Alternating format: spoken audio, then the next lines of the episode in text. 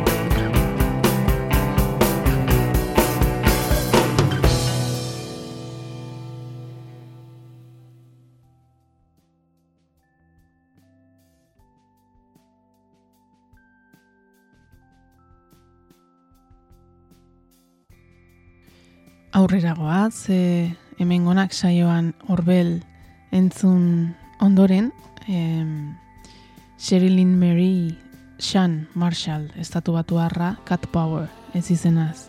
Ezaguna, baina bueno, lagunek edo ezagunek Shan, ditzen diote, e, Atlantan, jaioa, e, irurogeta mabian, ahotsa, gitarra eta pianoa oinarri, hainbat genero landu ditu, hasierako etapan rock independenti eta pertsonala jorratetik e, folk rocka, soul, blues, funk eta sadcore sortzera heldu da.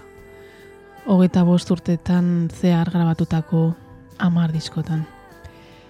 Emakume musikari bezala erreferentea da, gutako askorentzat, e, helarazten digun indarragatik, bere banakotasunagatik eta musika erronka pertsonaletatik bizirik irauteko oinarri izan duelako. Bere hitzetan musikari esker badaki ez dagoela bakarrik, baina batez ere bere burua ezagutzeko aukera ematen dio. Bere baitan ze unibertso dagoen jakitea. Opari asko eman dizkio eta berak eh, esana musikari gabe uste du ez lukeela ametxe egiteko gaitasun bera izango. Depresio eta kolarekiko menpekotasunari aurre egiteko ezinbestekoa izan du sormenean aritzea. Beste hainbat musikari bezala. Horrela e, ezagutuko duguaren ahotsa euskor bezain irmoan itotzear diren aitormen eta adierazpen irekiak, salaketak eta maitasun adierazpenak. Maitalearen ikuspuntutik askotan, ez da ohiko amaitasun kanta berak eh, abestu izan duena. Askatasunez azaldu baitu bestea izateak dakarren samina edo ardura. He war edo good woman bezalako abesti bikainetan. Cat Power ez izenaz jotzen hasi berria zela New Yorken Sonic Youth taldeko Ed Shelley eta Tim 2 dolar gitar taldekoa ezagutu eta biek bere diskoak izango zirenak grabatzera animatu zuten bere lehen bizt diskoak. E, laro eta eta laro eta Mirali. Haietan sortzaile pertsonala eta misteriotsu bezala agertzen da, grabazioak zakarrak eta ilunak baziren ere. Urrengo lanak, e, urrengo hiru lana, lanek nire tapariko gokoena osatzen dute. What Will the Community Think, laro eta maseikoa, Moonpix, laro eta mazortzikoa, eta You Are Free, 2002koa. Horraino gehiene entzun dudan Cat Power, hori. E, jarraitu zizkiotenak dira ordea izena, izen handia eman ziotenak. Bereziki The Greatest, 2006koa, Jukebox, 2008an egina, eta Sun, 2012an. Berrogeita bi urterekin ama izatea erabaki zuenean, bakarrik gainera, e, amatasuna bakardadean e, aukeratu zuen. 2018an Wanderer izeniko diskoan e, Wanderer euskaraz eskale edo nomada e, itzuli daiteke.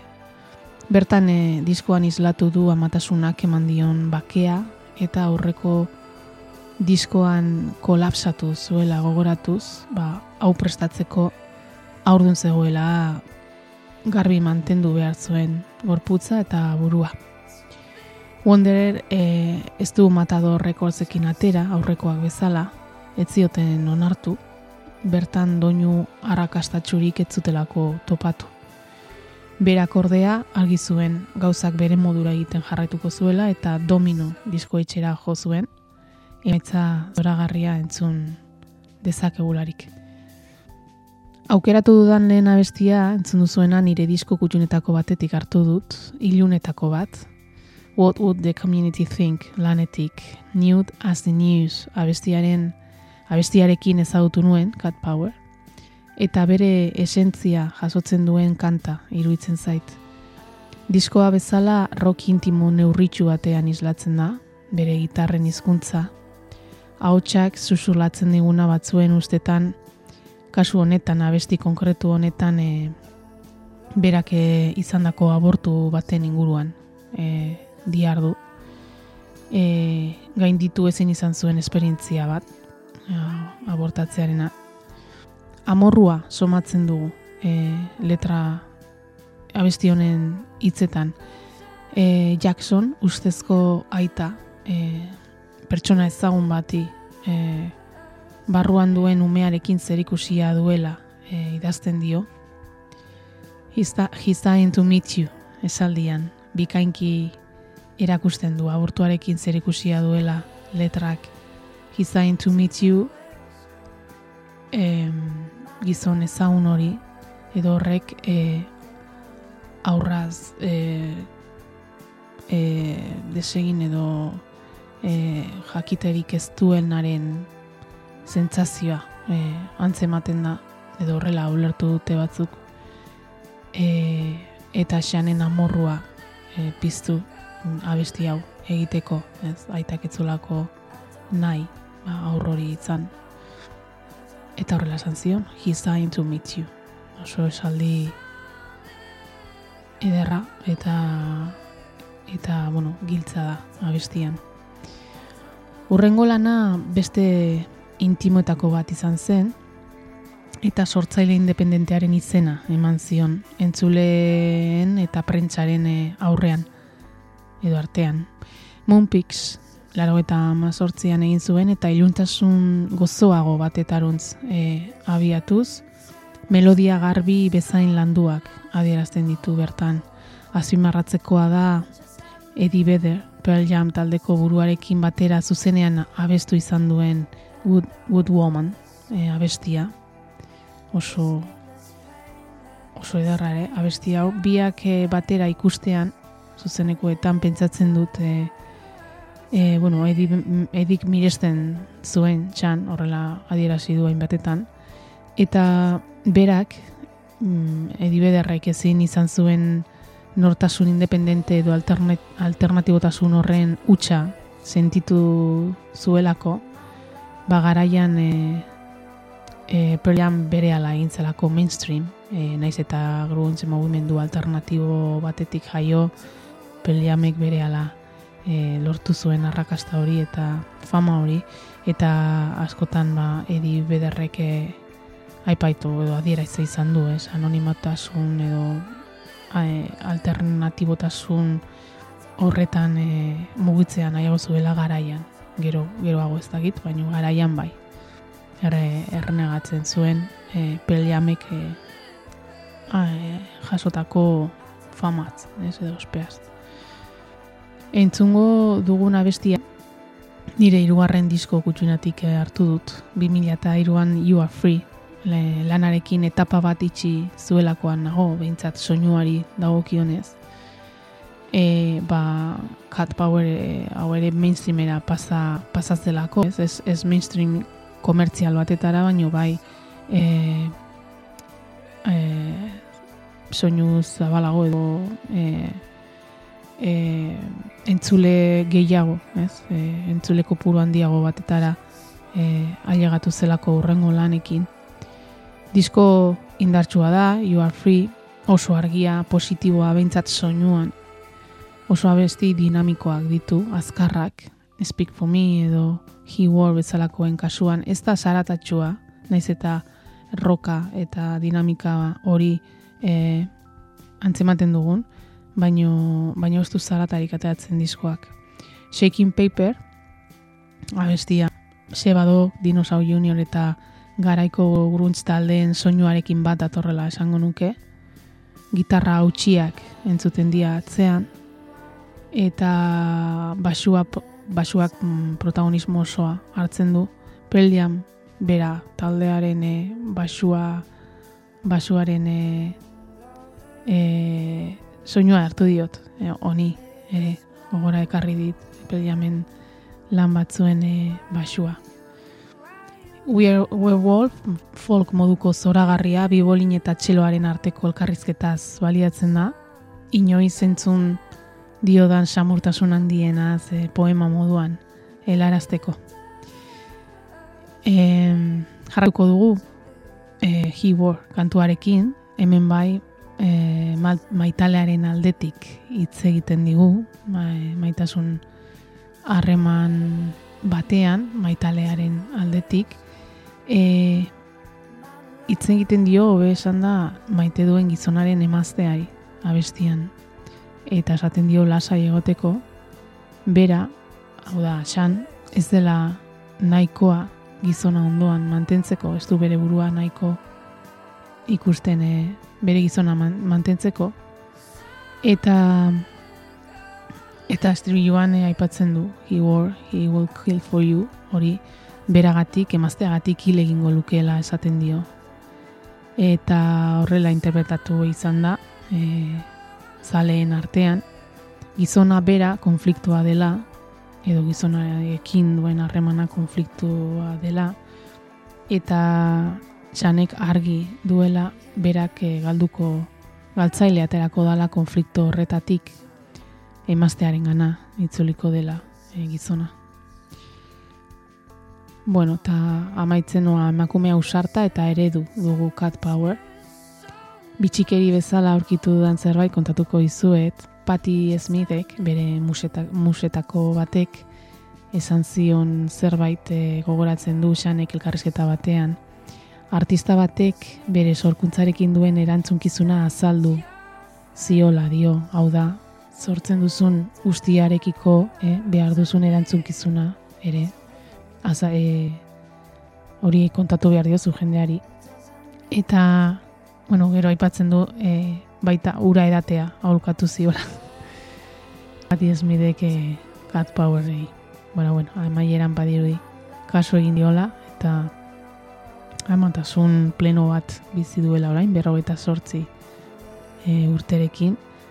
Gustoko dut e, gustoko dut bere bere azken urteetan e, bueno, itxura aldatu zaio, jadanik ez da orain hogeita hogei urte izandako panpos ura, baino baino hala ere e, indarra da- adierazten duen zenatoki gainean, bere adineko emakume batek helarazten duen indarrarekin eta eta bueno e, utziko zaituzet Cat Power eta He War abesti kanta izugarri horrekin.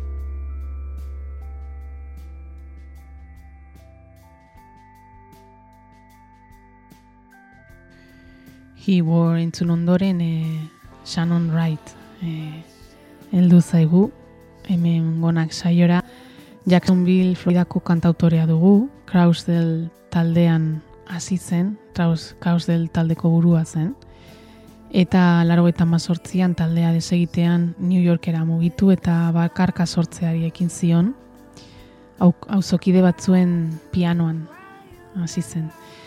Indie rock, eh, folk rock eta experimentazioa landu ditu, eh, laro eta emeretzitik laro eta meretzian Flight Safety atera zuen e, bizko bikaina, bertan e, instrumentu ia guztia jo zituen, gitarra, basua, pianoa, soka instrumentuak, bateriak, teklatuak eta guzti horien gainetik bere ahots berezia e, antzematen da.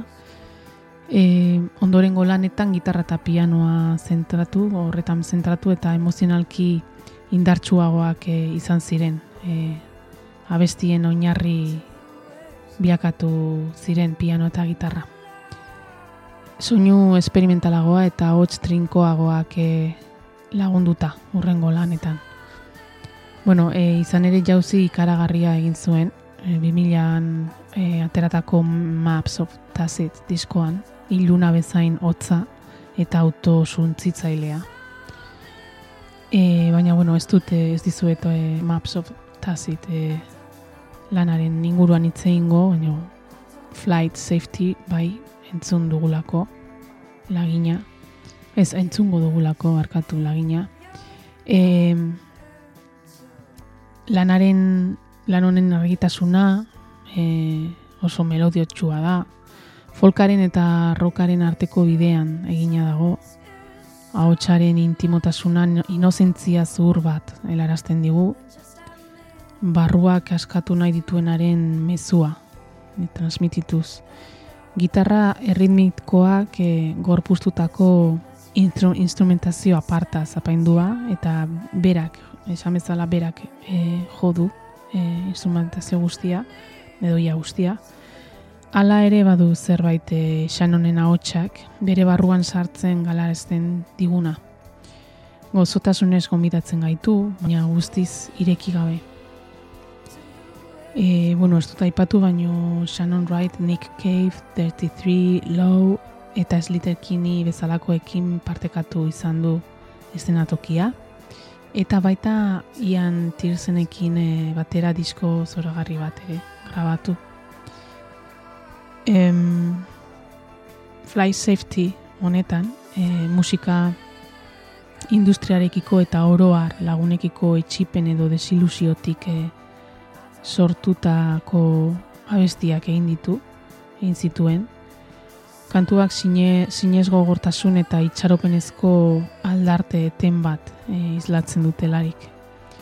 Raitet e, sehaska jo, e, sorgin, zurginduzko kantu pilo urratzen du, bere maitagarrien ipuinetako bat e, kontatuko balu bezala piano soilak eta biolontxeroak eh, ondoa edertzen duten bitartean. All these things kantuan tristura tristea somatzen dugu, zirkutik eh, balzerako musikan eta nikolo, niko, nikelodeon organo lerroetan eh, oinarrituta. E, abesti batzuk bakadadeari egindako odak, isilak, oda isilak diren bitartean, Twilight Hall kasu, bere aitorpenak ez dira inoiz ere haieneak, ez da kejatzen. Indarra eta ikusmena ditu, eta bere abestiek bidaiatzen dituen soinu paisaien antzan diagoa dute. Kostalde babesle baten bila joango balira bezala. Entzungo dugun kantua, Rich Hume of, of Air, aipatu dudan guzti hori batzen duelakoan nago horregatik aukeratu dut. Ia zer iruditzen zaizuen baina aurretik e, hasieran entzun dugun kantuari buruz e, kontatuko izuet, Defy This Love, Let's in the Light diskotik hartu dut, 2007koa. Eta lan hau piano eklektiko musikako bilduma bat da. Pianoa da, e, protagonista, eta bateriarekin batera egiten duten jokoa izugarri izugarrizko indarra ematen dio diskoari bateriak eta pianoak e, nortasun izugarria du ere. Bilustasun intelektual eta psikologikoaren zentzu sendoagoa proiektatzen du disko honetan. Defy This Love, brektiar kabaret batentzako piano musika bezala jotzen du. Eta diskoan oso gogoko dudan beste bat Don't You Doubt da. Gitarra hipnotiko eta blues, blues patroi baten e, ingurukoa. Eta pentsatzen dut honek eh, baduela seguruntz edo rock alternatibo horren kutsu, kutsu handiagoa besteak baino. Bueno, ba, lehen aipatutako Rich Hume of Air kantua entzungo dugu jarraian. Niri, zakit, hain da ederra niri zelai erdian korrikan noan ari zentzazia e, helarazten dit. Edo gonbidatzen nau, ez? Zelai baten erdian korrikan astera. Ia zer dakar zuen e, zuei. Shannon Wright eta Rich Hume of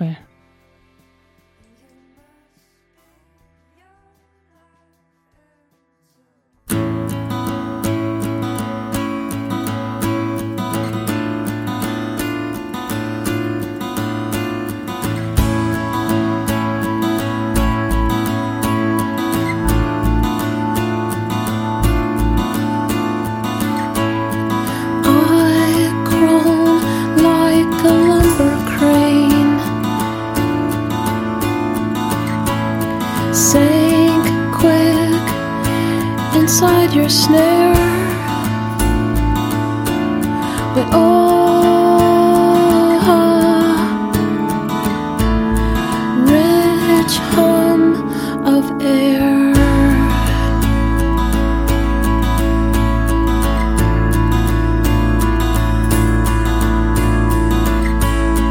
Her follow steps across my head.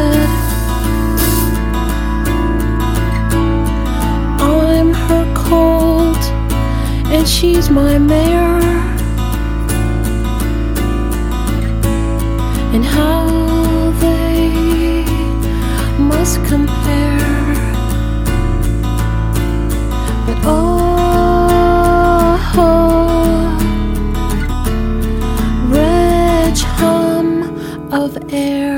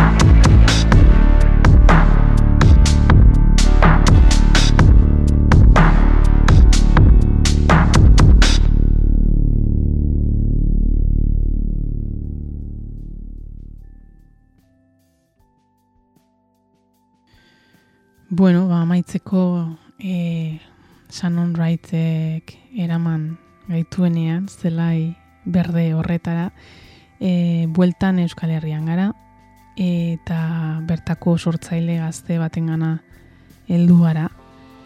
Gaztea baino esperientziaz e, jantzia, jadanik, bere hasierak nera betaldean e, egin zituen eta egin izan ditu, jarraitzen dute, baina azken urteetan e, bakarlari moduan ezagutu dugu Sara Zozaia.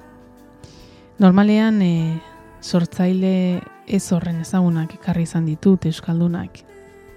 Ba, bueno, ba, hotxa ematearren edo, bueno, ezagutzera ematearren. Baina kasu honetan e, salbuespena egin dut. E, Sara oso nahiko ezaguna da e, estenan, batez be e, genero jakin bat e, edo genero hori gustoko dutenen artean oso ezaguna da. Eta hori, salpuespena egin dut Sarak atera berri duen edo hobeto esan da abestiz abesti kaleratzen ari a, duen bat diskoa ba guztiz harrapatu nahuelako, barruraino sartu da. Aurretik hiru atera zuen 2018an eta bueno, elkarrekin nik e, eskuratu nuen bere, bere berarekin trukatu nuen, ez, neure diskoa eta berak berea manzian musika zuzenean e, e, iasko jaialdian bat egin genuelako, estenatoki gainean da eta elkar ezagutu genuen. Eta eta etxera eraman nuen hiru eta kotxean jarri nuen e, asko gustatu zitzaidan introa piano piano pieza izugarri ederra. Eta eta baita berriz abistia euskaraz e, diskoan e, euskaraz e, aurkitu nuen bakarra. Orduan ingeleraz e, sortutako e, abestiak e, egiten zituen. Eta erakargarriak e, iruditu bazitzaizkian ere e, betetzen ez nindutenaren sentsazioarekin geratu nintzen diska entzutean ingeleraz e, Sara etzelako mm, edo ezitzaialako e, barruraino sartzen. Naiz eta instrumentazio aldetik e, sortzaile ikaragarri baten e, musikarekin ari nintzelaz jabetu. Bai. E, oraingoan euskaraz itzuli da eta erabat erabat e, esan bezala e, murgildu naiz bere abestietan. Inkluso gazteleraz e, egin duen batean e, alien zoragarrian. E, ez ohi dut e, entzuten e, e, euskaldun batek e, e, egindako gazteleako abestiak eta ez ditut normalean ez dut entzuten. Eta ez onartu behar dut ez aidala gehiegi gustatzen, ez? Euskaraz ari den horreit gero ingelera zaitzen bada igual ez dit ez dit, eh, berdin dit, ez? Baino zaila egiten zait eh, gaztelera zentzutea. Eta oraingoan, mm, bueno, e, e, ez dut, ez dut e, igarri, ez? Sentsazio hori ez dut igarri ezberdintasunik alien oso kantu borobila delako, oso ondo abestua, erdaraz. Eta, bueno, ba, besteekin batera, bat e, atera zuenean, e, lehenengo singela, izugarri gustatu zitzaidan, oso dinamikoa da. Gero benetan e, atera zuen, eta ba, benetan abestiak em, abest, e, entzundako, lau bostaldiz entzundakoan, ba, malkotan e, amaitu nuen, ba, barruko zerbait mugitu zidalako. E, entzun berri duguna, e, bueno, gero alien atera zuen, ondoren, e, lehen aipatu duana gazteleraz, eta eta musikalki oso oso e, gaur egungoa eta e, komposizio landua iruditzen zait. Eta e, azkenik e, Lili atera berri du, eta hori da entzun duguna lehen. Eta egun hauetan, edo azken asteetan, ezin, ezin dut burutik kendu. E, ba hori, izugarri gustatzen zait entzutea, abesti hau. eta esan beharra daukat benetan e, abestia abesten dudala etxean. e, ez dakit, ba, oso gustoko dudalako. E, atzo bertan, uste dut, e, edo behintzat Spotify jarri nuenean, ze e, bankanpen ez du oraindik e, jarri, Ultro, azken kanta, baina Spotify badago. Eta azken hau, ba, esperimentu ilun helduagoa iruditu zait. Agian e, urrengo etaparen e, lehen urratsa edo ez dakit, baina ezberdina da. Zararen e, ingeleraz dago. Eta egina eta eta iruditu zait e, aldaketa bat bai musikalki bai dinamikan eta bueno, e, soinu helduago bat e, induela hor eta oso ondo dago Bueno, ba, nola, nola heldu naiz zara tozaiaren abestietan galtzea? Ba, esango izuet, zara bera biluztuz, zentzu metaforikoan noski. Zara biluztu bera izan dut, eta bera inguratzen duen guztiaz desegin ondoren, heldu naiz, e, sortzaile bikain hau aurkitzera. Bere itxuragatik hasita, edertasun auskor horrek izkutatzen duen sortzailea. E, jakina da emakumeak baztertzeko bi itxurari dagokionez bi modu daudela, ez? Gizartean bata da edertasunak kanona, edertasun kanonak betetzen ez dituen emakumearen bazterke- bazterketa eta bestea izkutuagoa agian da e, edertasun hori e, kumplitzen edo betetzen duen e, emakumea e, baztertzea ere, edo behintzat e, alde zarretiko epaiketa bat edo, edo aurreitzi bat e, egitea, ez? Emakume eder eta eta kasu honetan esaten dizu eta euskorraren e, itxura hori ikustean badirudi ba egiten duena izango dala ere e, arina, ez? Eta eta sararen kasuan ez da oso oso em, oso sor, sor, bere sormen lanak oso begiratuak eta landuak daude. Bai? Beste da hori, bueno, bazterketa ere kasu honetan bazterketa positibo moduan ikusten dana. Ez da positiboa, baina bueno, e, pasibo, bazterketa pasibo hori, ez? Promozio guztiaz desegin behar izan naiz, izan ere zarak badu bere bidea egin du ere pro, e, industrian, estenan, eta bueno, ulertzen du asko, kontrolatzen du asko. E, badu e, Benito Lertzun, orain ez dut gogoratzen izena, baino Benito Lertzun diren alabarekin badu e, zea, e, diskoetxe edo promoze- promotora bat, hobetu esan da, bai? Eta ulertzen du honetaz. Eta, bueno, promozio guristi hori kenduta, eta bere jatorria kenduta, ez, eh? Donostian bizi da, eta eta badirudi, ba hori, kotoi artean e, e, mugitu ohi dela, e, eta horrek errastasuna eman diola, ez? Kasu honetan, ba, lehen begirada nokerreko impresioa e, ema- ez dut esaten e, era negatiboa, baizik eta e, bos, badirela Euskal Herrian adie, jende asko egongo da, ba, pentsatuko dena, ba, ba neska honek e, ba, dana eginda duela, ez? Edo e, errastasun hori daukala jatorria, ja, bere jatorriagatik eta eta eta esan duanagatik eta e, ba, ez da horrela. Nere, nere impresioa beste bat izan zen, bereziki ezagutu nuenean, musika zuzenean jaialdian esan bezala partekatu genuelako estenatokia, eta eta konturatu nintzen, e, bueno, pff, musika pasio, apasionatu bat dela, musikaz blai dagoela emakume hau. E, oso jatorra eta apala gainera.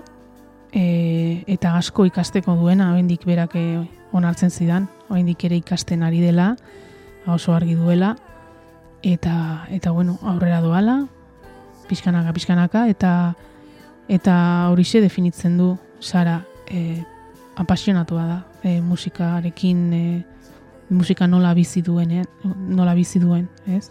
E, Julian Baker e, aipatu genuen, ze nik esan nion, Julian Bakerren e, eragina somatzen dizut, ez dakit entzuten duzun, eta esan zian e, miresle, mireslea zela, ez? Bere miresle sutsua zela.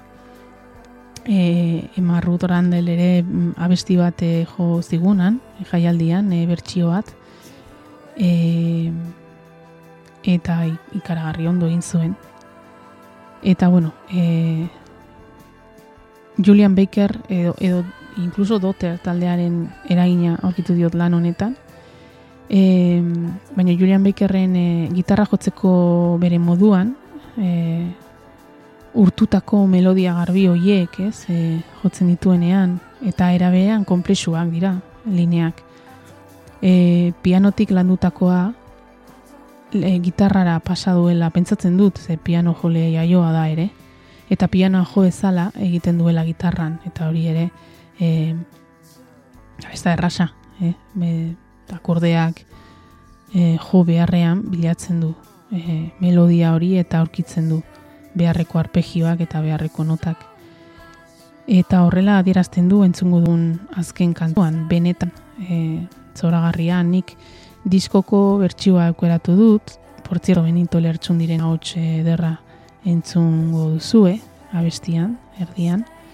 Baina zuzeneko bat dauka, El Tigre estudioetan grabatua, bideo bat, non e, gitarra hutsean jotzen duen abesti hau, eta bertan igartzen da e, eraikitako, bueno, bere trebezia e, gitarran, eta eraikitako linea berezi eta originalak.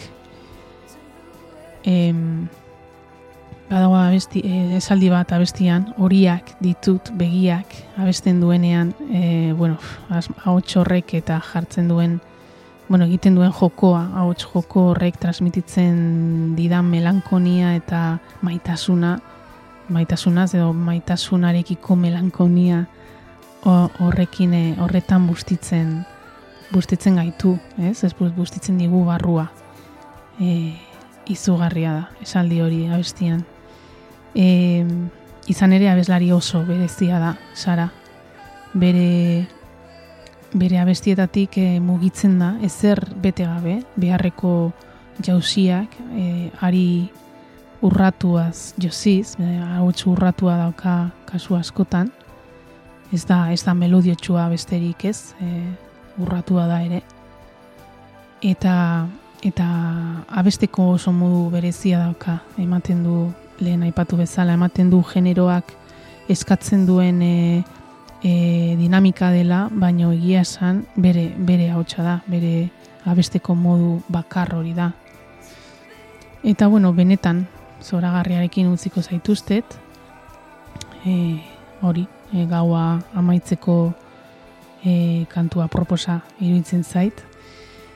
Eta irailan e, itzuliko naiz, e, etapa berri batetarako prest, berritasun txiki batzuekin, buruan nituen jadanik e, denboraldi honetarako, baina ez, da posible izan e, ezoiko egoera honetan bizi izan garelako, eta ezinezkoa egin zait gauzatzea konfinamenduan, baina bueno, ia posible dugun e, irailetik aurrera egitea, eta bueno, ba, bitartean e, bueno, e, plazera izan da e, zuekin egotea otsailetik ona eta emakume musikarien biografietan galtzea eta lurruntzea. Eta bueno, ba, hori, espero dute zuek e, gustoko izana. Eta bueno, ba, emakume batek e, transmititu diezaguken e, guztia e, hori e, antzeman izana. Bai e, atzerrikoak, bai euskaldunak ere asko ditu eta oraindik asko falta zaizkit. E, aurkezteko eta bueno, aski ezagunak direnak ere gogoratuko ditu etorkizunean. Eta bitartean Lili lehen entzun dugun abestiak esan digun moduan ba e, ni banoa eta behar dut e, etzan eta iso behingoz eta atxeen hartu zen nahiko nekagarria izan da etapa hau ja, mila mobiatan sartuta izan naizelako. E, disfruta da, aldu zuen moduan, alik eta kontzertu gehien disfrutatu, usten diguten einean, bai? Ez du jairik izango, baina, bueno, behintzat kontzertu aforo e, murriztu hoiekin e, kontzertuak e, entzuteko aukera baldin badu, ba, bueno, uda alaituko zaigu da noi e, iraila arte, horti e, bueltan aurkituko dugu elkar, naiz irratian, e, eta, bueno, e, ez dakit, aste arteetan jarretuko dugun, eta ordu honetan, baina, bueno, niri gustatu zait, eguna eta ordua. Gabon, guztioi, eta disfrutatu orain zara zozaia eta benetan. Benetan, hasi nintzenean, benetan. Benetan, hasi nintzenean, benetan.